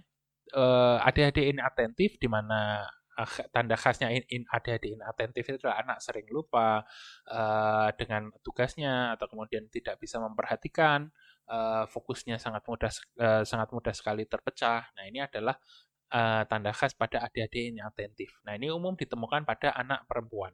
Sementara ADHD hiperaktif impulsif, di mana ditandai dengan perilaku yang hiperaktif, ini lebih umum ditemukan pada anak laki-laki. Oke.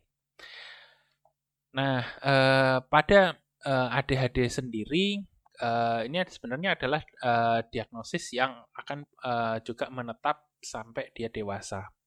Nah, uh, kita lihat memang uh, seiring dengan usia memang akan terjadi penurunan, akan terjadi penurunan presentasi simptom ADHD. Uh, apa namanya? Masih masih ada, tetapi masih ada beberapa hal-hal, beberapa simptom yang masih akan muncul seiring dengan uh, individu tersebut dewasa, terutama simptom-simptom inatensi. Simptom hiperaktivitasnya mungkin akan semakin berkurang, tetapi simptom-simptom inatensinya akan cenderung menetap.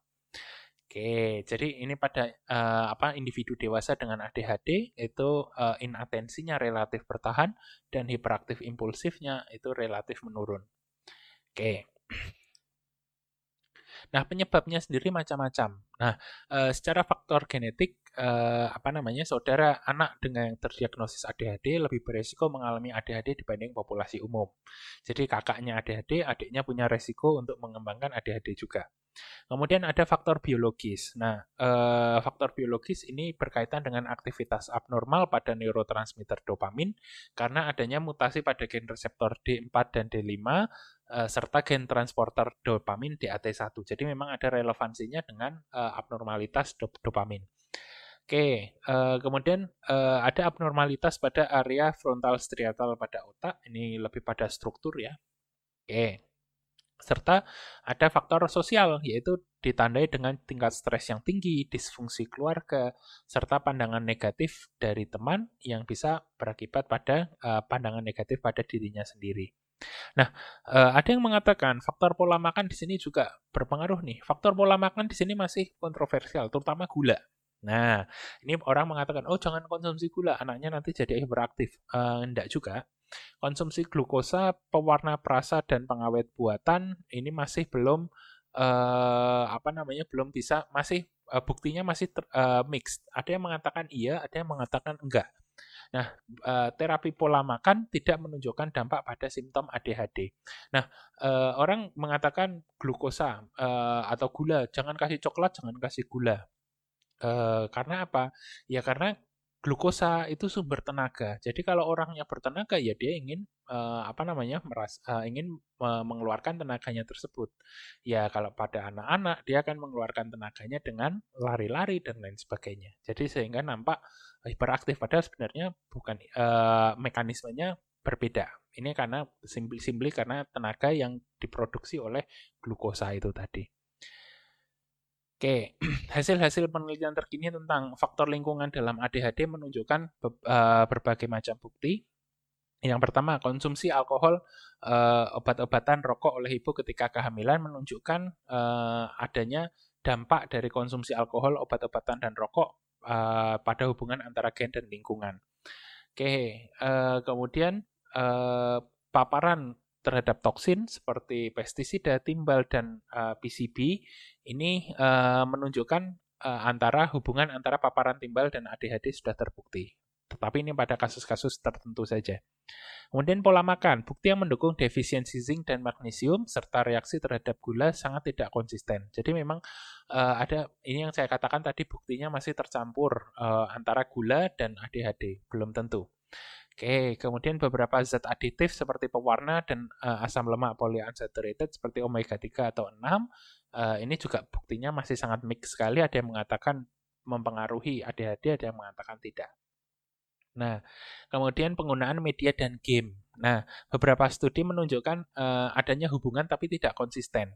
Uh, apa namanya? Penggunaan media atau game yang berlebihan pada anak ADHD uh, ini ini bukan lebih bukan karena penggunaan medianya atau game itu sendiri, tapi lebih kepada faktor yang mengapa orang menjadi uh, uh, lebih suka dengan uh, media atau game. Biasanya ini di, lebih dijelaskan dengan adanya masalah pada relasi keluarga atau relasi psikososial. Nah, karena misalnya ada permasalahan dengan keluarganya, uh, misalnya keluarga yang disfungtif, maka dia escape-nya menggunakan game. Oke, jadi bukan game yang menyebabkan ADHD, tapi lebih kepada faktor yang mendasari kenapa dia uh, lebih suka dengan game itu tadi. Nah, uh, apa namanya bukti yang kuat faktor resiko ADHD ini diketahui adanya dari keluarga yang bermasalah serta faktor-faktor sosial. Nah, uh, apa namanya faktor resiko ADHD di antaranya adalah SS yang rendah, konflik keluarga, jumlah keluarga yang besar, dan gangguan mental orang tua, terutama ADHD. Jadi ini lebih pada faktor lingkungan, uh, faktor keluarga ini bisa menjadi faktor resiko yang berkontribusi terhadap uh, perkembangan ADHD itu sendiri. Less about food, more about family. Oke, intinya itu. Nah, uh, hasil neuroimaging menunjukkan uh, bahwa anak dengan ADHD memiliki volume otak yang lebih kecil, terutama area-area pada splenium, cerebellum, caudate nucleus, lobus prefrontal, anterior cingulate, dan lobus medial temporal. Ini semua menunjukkan uh, volume otak yang lebih kecil di bagian-bagian tersebut. Nah, serta adanya penurunan ketebalan pada korteks dorsolateral dan ventromedial prefrontal dan parietal. Nah, kita tahu uh, dari sini sebenarnya nampak sebenarnya gangguannya lebih banyak terjadi pada area frontal, pada korteks frontal. Nah, uh, apa namanya? Uh, sehingga perilaku yang muncul atau defisit perilaku yang muncul itu sebenarnya terasosiasi juga dengan bagian di mana terjadi uh, permasalahan. Kita tahu bahwa, bahwa uh, apa namanya permasalahan banyak terjadi di area frontal dan temporal. Uh, apa namanya? maka uh, dan parietal sorry uh, frontal dan parietal maka kemudian uh, permasalahannya pun juga relevan dengan area tersebut contohnya ada uh, kesulitan pemusatan perhatian yang fokus uh, kesulitan pemusatan perhatian dan fokus ini adalah uh, fungsi yang uh, dikontrol atau di banyak banyak terjadi di area frontal parietal network. Kemudian uh, fungsi eksekutif seperti memori dan uh, inhibisi ini ter, uh, apa namanya berkaitan dengan area dorsal prefrontal striatal atau kaudat. Kemudian sensitivitas terhadap reinforcement seperti pembelajaran dari reward dan delay aversion ini adalah area ventromedial prefrontal striatal. Nah, eh, apa namanya? Jadi pada anak dengan ADHD ini kita tahu bahwa anak dengan ADHD itu sulit sekali untuk mendelay uh, apa namanya uh, mendelay uh, reward terutama kalau dikasih reward misalnya saya tanya mau saya kasih coklat satu sekarang atau mau saya kasih coklat tiga nanti lima jam lagi nah uh, dia akan lebih memilih untuk memilih mendapatkan coklat satu sekarang ketimbang coklat yang lebih banyak di waktu yang lebih lama jadi delay uh, delay aversion serta reward sensitivity-nya di situ uh, apa namanya uh, berbeda dengan anak-anak yang lain. Nah, persepsi waktu, pemrosesan informasi sementara dan formasi perkiraan uh, ini juga berkaitan dengan prefrontal cerebellar network. Oke, jadi berkaitan dengan uh, persepsi waktu, pemrosesan informasi serta uh, estimasi atau formasi perkiraan itu. Nah, itu kan berkaitan dengan sini dan uh, apa namanya cerebellum. Oke, ini adalah bagian-bagian otak yang uh, sangat khas uh, terjadi defisit pada defisit perilaku pada ADHD serta bagian otak yang terlibat. Oke, berikutnya adalah gangguan mood. Nah, gangguan uh, gangguan mood ini sudah kita keluar dari area uh, perkembangan gangguan neurodevelopmental. Di sini uh, lebih pada gangguan uh, apa namanya gangguan psikologis secara umum. Nah, gangguan mood ini yang uh, adalah gangguan yang relatif menetap pada suasana hati atau mood yang menyebabkan seseorang merasakan bahagia atau sedih yang ekstrim atau kedua-duanya. Jadi lebih berkaitan dengan gangguan pada suasana hati. Nah, gangguan mood ini terdiri dari dua tipe yaitu unipolar depression dan bipolar disorder. Nah, unipolar depression uh, ini terdiri dari dua subtipe, yaitu depresi mayor yang ditandai dengan adanya pengalaman mood yang rendah atau rasa sendu yang intensitasnya lebih tinggi serta berlangsung lama. Nah, uh, orang dengan depresi mayor akan mengalami rasa sedih dan tidak bahagia selama berminggu-minggu atau di, minimal di atas dua minggu memiliki sedikit energi, merasa tidak berguna, muncul pikiran-pikiran suicidal, sulit tidur, tidak dapat berkonsentrasi, sulit mendapatkan kesenangan, eh, dan merasa tidak dapat merasa bahagia atau anhedonia. Nah, pada orang dengan depresi kita tahu bahwa eh, apa namanya uh, dari dari hasil uh, PET dan MRI menunjukkan ada penurunan aktivitas otak. Memang kemudian uh, pada orang dengan uh, yang tidak mengalami depresi, otaknya akan cenderung aktif, di mana pada orang yang mengalami depresi, uh, otaknya akan cenderung uh, menurun aktivitasnya. Oke, di membaca uh, ini mem, melihat gambar ini uh, apa namanya bagian yang paling banyak ter, uh, paling banyak ada aktivitasnya ditandai dengan warna putih, merah, kuning, kemudian hijau, baru ke biru. Biru adalah aktivitas paling rendah. Oke, jadi ini uh, nampak sekali ya pada or anak orang dengan depresi uh, perbandingannya dengan yang tidak mengalami depresi. Nah, berikutnya ada kondisi yang disebut dengan distimia. Distimia adalah memiliki simptom-simptom depresi mayor ini tadi, hanya saja dengan intensitas yang lebih uh, tidak terlalu intensif, yang uh, lebih rendah. Uh, dia uh, tetapi pada kondisi distimia ini uh, simptom-simptomnya berlangsung hampir setiap hari selama satu tahun. Jadi dia mengalami perasaan uh, sedikit energi, merasa tidak berguna, sulit tidur ini persisten muncul terus uh, apa namanya hampir setiap hari dalam satu tahun. Oke. Nah, itu adalah uh, unipolar depression di mana disebut unipolar karena menetap di satu polar saja, di, di mana polarnya adalah polar polar rendah. Di mana dia merasa tidak berenergi, tidak merasa uh, merasa tidak bahagia dan lain sebagainya. Nah, berikutnya adalah uh, kondisi bipolar. Beda dengan unipolar di mana dia menetap di satu polar atau satu kutub. Nah, bipolar adalah kondisi gangguan mood yang dikarakterisasi oleh mood swing atau perubahan mood dari bahagia atau mania ke sedih atau depresi secara cepat. Nah, kita lihat di sini uh, apa namanya pada kondisi uh, pada pada hasil PET scan ini nampak pada kondisi uh, perubahan kondisinya dari hari ke hari.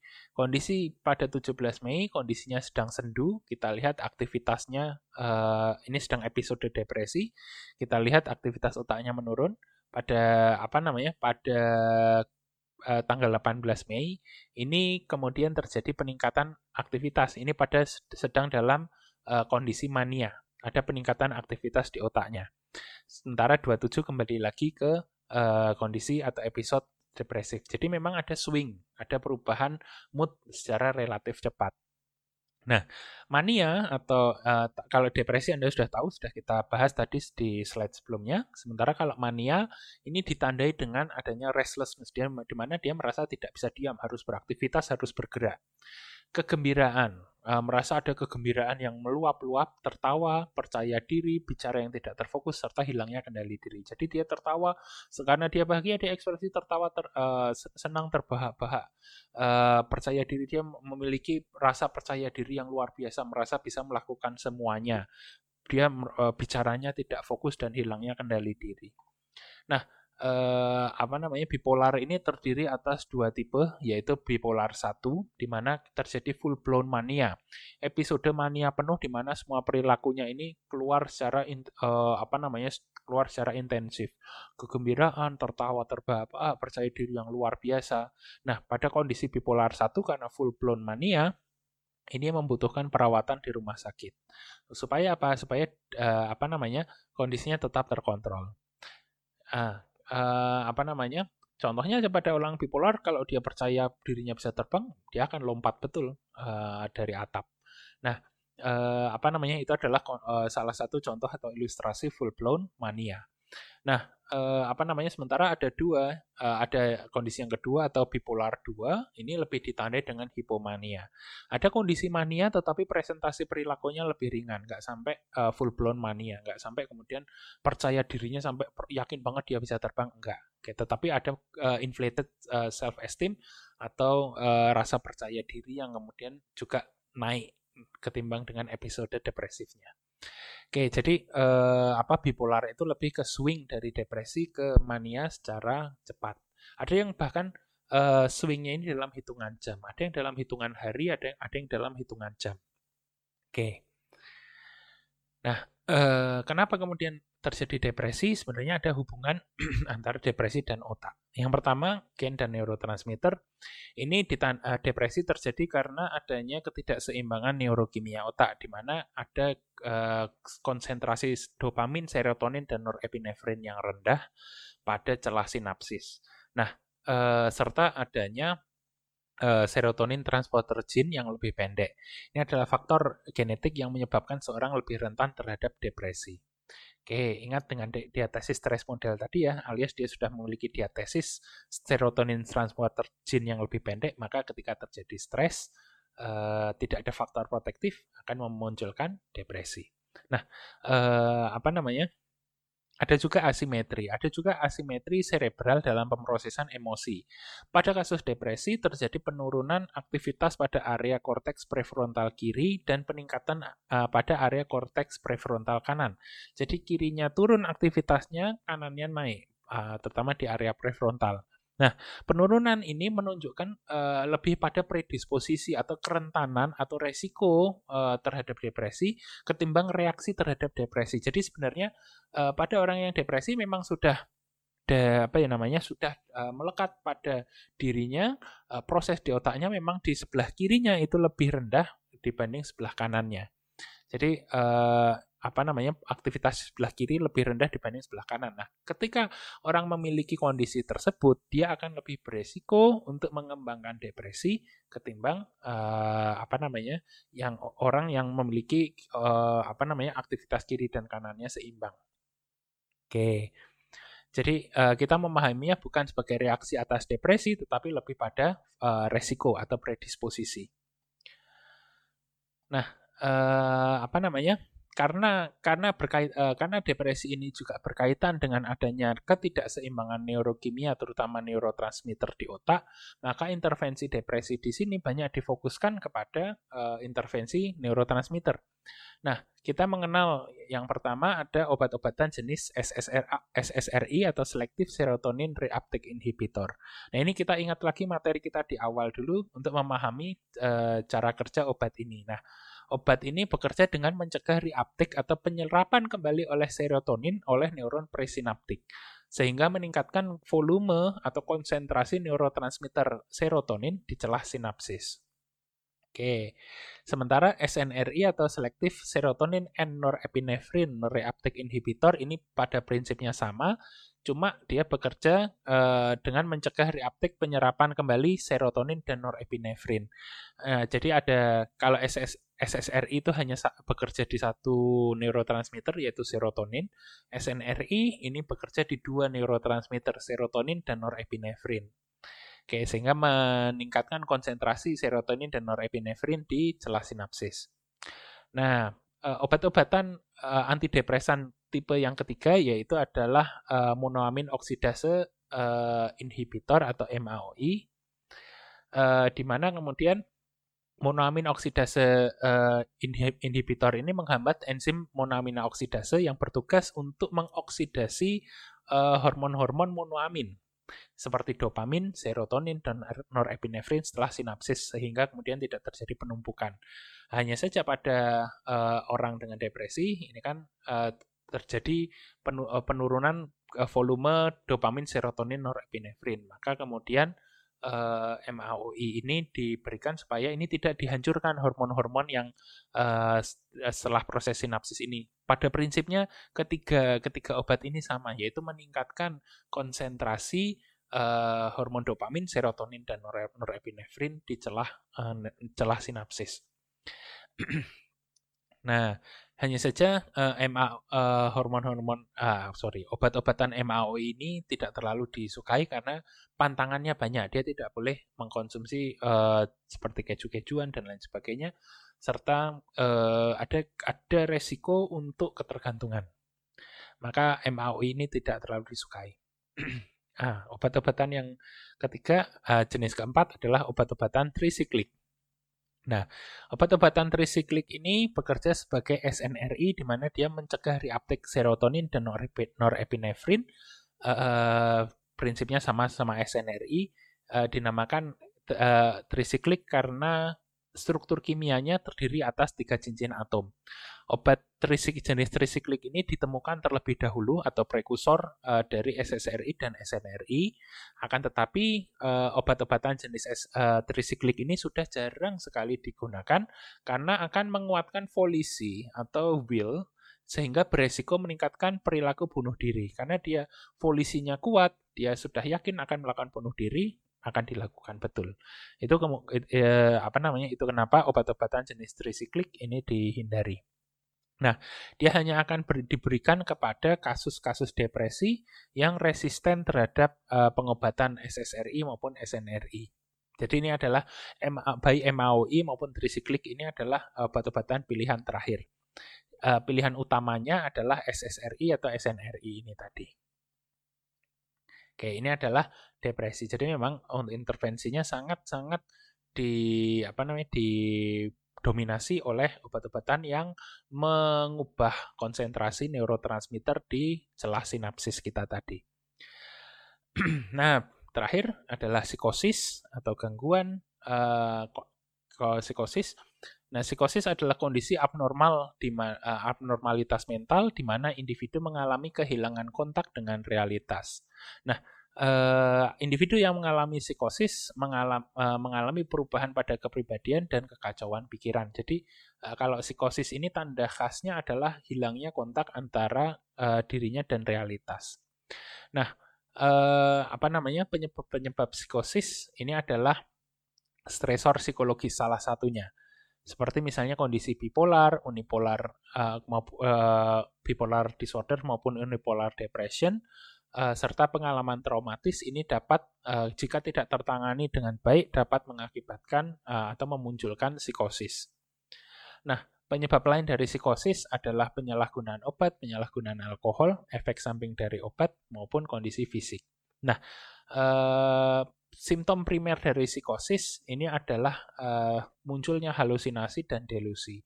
Halusinasi adalah uh, sensasi sensorik atau sensasi dari indera kita yang tidak real. Misalnya kita melihat sesuatu, mendengar sesuatu atau membau atau merasakan sesuatu yang orang lain tidak bisa merasakannya. Itu adalah halusinasi. Uh, sementara delusi adalah waham. Kalau kita mengenal, kalau di istilah Indonesia-nya, delusi itu dikenal dengan istilah waham. Waham adalah keyakinan yang sangat kuat, akan tetapi tidak berdasarkan pada realitas. Contohnya, saya meyakini bahwa saya adalah Tuhan. Nah, itu adalah delusi, delusion of grandeur. Nah, jenis-jenis delusi ada macam-macam, tapi intinya delusi ini adalah sebuah pikiran yang uh, tidak berdasarkan kenyataan, yang itu menetap dan kita yakini betul. Itu delusi. Nah, uh, salah satu bentuk dari gangguan psikosis ini adalah uh, gangguan yang disebut dengan skizofrenia. Nah, skizofrenia adalah uh, apa namanya? bentuk suatu bentuk gangguan yang digambarkan dengan variasi penyebab yang belum diketahui secara pasti dan uh, perjalanan uh, kemunculan gangguan ini sangat luas dan kompleks serta akibat yang terjadi sangat bergantung dengan kondisi fisik, genetik dan sosial budaya. Nah, uh, apa psikosis ini merupakan uh, salah satu gangguan yang uh, apa namanya kita yang kita familiar mungkin kalau anda uh, nanti berkesempatan kalau sudah selesai covid ya berkesempatan kita jalan-jalan ke uh, apa rumah sakit Gracia atau RSPKL misalnya kita lihat saudara-saudara kita yang mengalami skizofrenia di mana terjadi dis, uh, pemutusan antara kontak realitas uh, antara uh, realitas dengan dirinya. Nah, skizofrenia ini masih belum uh, masih belum dipahami dengan penuh masih banyak quote and quote misteri ya, masih banyak hal-hal yang belum kita pahami secara pasti mengenai skizofrenia karena kompleksitas gangguannya ini. Oke, uh, skizofrenia ini merupakan sebuah sindrom. Uh, art, art, dalam artian sindroma itu simptomnya ada banyak. Oke, presentasi simptomnya banyak, maka kita sebutnya sebagai sindroma. Nah, setiap individu dengan skizofrenia memiliki polanya masing-masing. Ada individu dengan skizofrenia dia merasa takut dengan uh, apa namanya? Ada orang yang ada dia merasa ada orang yang mengancam keselamatan dirinya. Ada juga yang presentasi skizofrenianya dengan uh, apa namanya? dengan perilaku katatonik atau dia bisa bertahan dalam posisi mempertahankan posisi fisik yang tidak nyaman dalam posisi yang ada uh, dalam waktu yang lama. Misalnya orang bisa bertahan dengan posisi seperti ini dalam waktu yang lama. Oke, jadi dia misalnya posisinya dia bisa mempertahankan uh, uh, uh, kata tonik itu uh, apa namanya posisinya khas sekali, maksudnya nggak pada orang umum. Misalnya dia akan mempertahankan posisi seperti ini dalam waktu yang lama, oke nggak nyaman sekali. Uh, tetapi uh, ini ada uh, jadi memang ada variasi di dalam uh, apa namanya di dalam presentasi skizofrenia itu sendiri. Nah, simptom skizofrenia ini ditandai dengan adanya uh, simptom positif dan negatif. Simptom positif ini artinya ada kemunculan perilaku baru yang sebelumnya tidak ada, seperti adanya delusi, munculnya halusinasi, munculnya disorganized speech atau word salad di mana kata-kata yang dikeluarkan itu tidak koheren, disorganized behavior dan catatonic behavior. Oke, uh, apa namanya? Kalau uh, kondisi simptom negatif adalah kondisi hilangnya perilaku. Hilangnya perilaku di sini adalah uh, ditandai dengan uh, yang pertama loss of emotions. Jadi afeknya flat, emosinya flat atau hilang. Loss of interest, dia merasa tidak tertarik dengan hal-hal yang sebelumnya bagi dia menarik. Alogia, poverty of speech, jadi dia tidak uh, tidak banyak berbicara. Tapi sekalinya berbicara, keluarnya word salad afolisi atau demotivasi dan lain sebagainya. Jadi ini adalah simptom-simptom khas pada skizofrenia, kemunculan simptom positif dan negatif.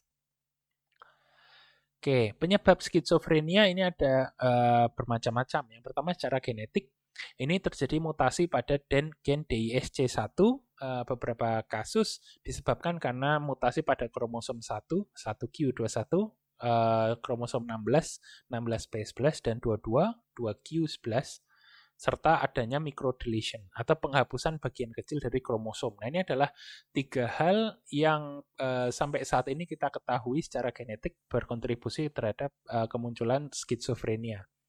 Nah, mutasi atau penghapusan yang, uh, atau deletion yang terjadi pada ratusan gen akan mengganggu perkembangan otak sehingga meningkatkan probabilitas terjadinya skizofrenia.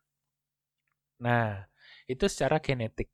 Kalau secara neurokimia, ini ditunjukkan dengan adanya tingginya konsentrasi dopamin dan penurunan konsentrasi glutamat. Jadi ada teori uh, apa dopamin theory of uh, schizophrenia uh, mengatakan bahwa orang dengan skizofrenia ditunjukkan dengan uh, tingginya konsentrasi dopamin di dalam di, di dalam uh, tingginya konsentrasi neurotransmitter di dalam uh, sinapsisnya serta ada penurunan uh, glutamat di dalam uh, sinapsisnya juga. Jadi ada dua, tinggi dopamin, rendah glutamat. Oke. Kemudian secara dari lingkungan uh, penyebabnya lebih pada lingkungan tempat tinggal yang kemudian uh, misalnya uh, menyebabkan dia mengalami trauma atau kemudian memunculkan depresi yang uh, apa namanya menyebabkan dia mengalami depresi misalnya kondisi uh, apa namanya abuse atau kondisi disfungsi keluarga. Nah, ini kemudian juga ber, ber, berkontribusi terhadap uh, kemunculan skizofrenia. Oke. Uh, pengalaman traumatik ini juga menjadi salah satu uh, hal yang paling banyak berkontribusi terhadap skizofrenia juga. Kemudian penggunaan obat-obatan terlalang serta stresor prenatal ini juga berkontribusi terhadap kemunculan skizofrenia. Secara perkembangan, uh, hipoksia uh, atau kemudian kondisi di mana uh, kita tidak bisa bernafas secara normal, terutama pada proses-proses uh, apa namanya perkembangan, ya ke, yang menyebabkan hipoksia tadi kita mengetahui dapat menyebabkan kerusakan pada otak karena uh, hipoksia menyebabkan uh, apa kita berhenti bernafas atau kesulitan bernafas, menurunkan menurunkan konsentrasi oksigen dan konsentrasi oksigen merusak otak kita. Nah, uh, selain itu juga ada infeksi virus in utero seperti misalnya uh, Toxoplasmosis gondii dan chlamydia. Oke, jadi ini adalah empat uh, teori mengenai penyebab skizofrenia itu tadi. Nah, secara genetis uh, skizofrenia ini memang kemudian diwariskan, alias uh, estimasi pewarisan skizofrenia meningkat dengan kedekatan genetis. Kita lihat di sini. Kalau eh, apa namanya?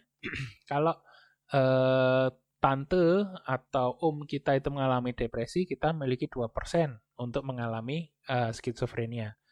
Sepupu kita 4%. Eh, apa namanya? Cucu itu 5%. Eh, apa namanya? Uh, kita lihat lagi siblings, terutama saudara kandung, itu 9%. Jadi kalau kita punya kan uh, 9%, uh, kalau saudara kita mengalami skizofrenia, kita juga bisa mengalami skizofrenia 9%. Orang tua, salah satu orang tua saja hanya 6%, akan tetapi kalau uh, orang tuanya kedua-duanya itu mengalami skizofrenia, maka uh, kansnya membesar. sekitar 46%. Oke, ini adalah jadi genetika uh, skizofrenia itu akan diwariskan. Jadi gen-gen uh, yang kita tapi kita masih belum tahu secara pasti gen mana yang mengakibatkan skizofrenia. Nah, hasil-hasil penelitian saat ini cuma menunjukkan DSC1, eh, kromosom 1, 16 dan 22 saja. Tapi ini masih terus diteliti. Akan tetapi satu hal yang pasti adalah eh, apa namanya? Ketika orang tua kedua orang tua kita mengalami eh, skizofrenia, ada kans yang cukup besar kita untuk juga mengalami skizofrenia juga. Oke, nah ini adalah uh, apa namanya hubungan antara biologi dan gangguan mental. Nah, all in all, uh, saya ingin anda untuk menarik ke, uh, suatu kesimpulan di sini bahwa belajar tentang gangguan psikologis, uh, terutama uh, apa namanya, ketika kita mempelajari gangguan psikologis di sini, uh, kita akan uh, menempa ini akan menempa empati kita. Terutama ini akan bermanfaat, terutama akan juga ketika kita akan belajar untuk menjadi seorang psikolog, ini kita akan diharuskan untuk menempa empati kita. Karena apa? Empati ini akan menjadi salah satu modal dasar kita di dalam melakukan intervensi psikologis. Empati ini ditunjukkan dengan turut merasakan apa yang orang lain uh, rasakan secara emosi minimal. Nah, attitude yang salah ketika kita mempelajari uh, mengenai gangguan mental ini adalah merasa lebih beruntung ketika melihat orang lain dengan gangguan mental. Ketika melihat orang dengan skizofrenia, oh alhamdulillah saya nggak seperti itu. No, itu attitude yang salah uh, atau sikap yang salah. Melihat orang depresi, oh untung saya tidak depresi. No, itu juga salah. Itu bukan empati. Itu Anda bersyukur di atas penderitaan orang lain. Nah, uh, saya ingin Anda belajar uh, psikologi dengan sungguh-sungguh, khususnya mempelajari mengenai gangguan mental ini dengan sungguh-sungguh, agar nantinya Anda bisa membantu menjadikan hidup mereka menjadi lebih baik. Nah, ini ada satu anekdot yang sangat menarik di sini. Uh, ada ada ada seorang ada seorang ibu yang menunjuk kepada seorang tukang tukang sapu jalanan. Kalau kamu nggak belajar, kamu akan jadi tukang jalanan seperti dia. Oke. Nah, ini adalah saya pikir di Indonesia juga umum sekali seperti ini. Kalau kamu nggak belajar nanti kamu gini gini gini. Tetapi sikap yang lebih tepat adalah uh, sikap yang ditunjukkan oleh contoh gambar yang kedua. If you study well, you will be able to make a better world for him. Jadi kalau kamu belajar dengan baik, kamu akan punya kesempatan uh, untuk mem membuat hidup orang hidup orang-orang di sekitar kita menjadi lebih baik. Oke, sama dengan kita belajar tentang gangguan mental.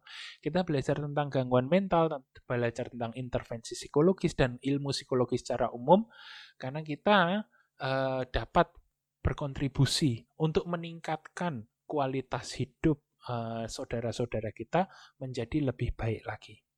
Terutama saudara-saudara kita yang mengalami gangguan mental. Oke. Jadi ini adalah satu sikap yang saya harapkan uh, bisa mulai Anda tanamkan dan Anda tumbuhkan sedari sekarang, terutama ketika mempelajari mengenai gangguan psikologis dan intervensi psikologis nantinya.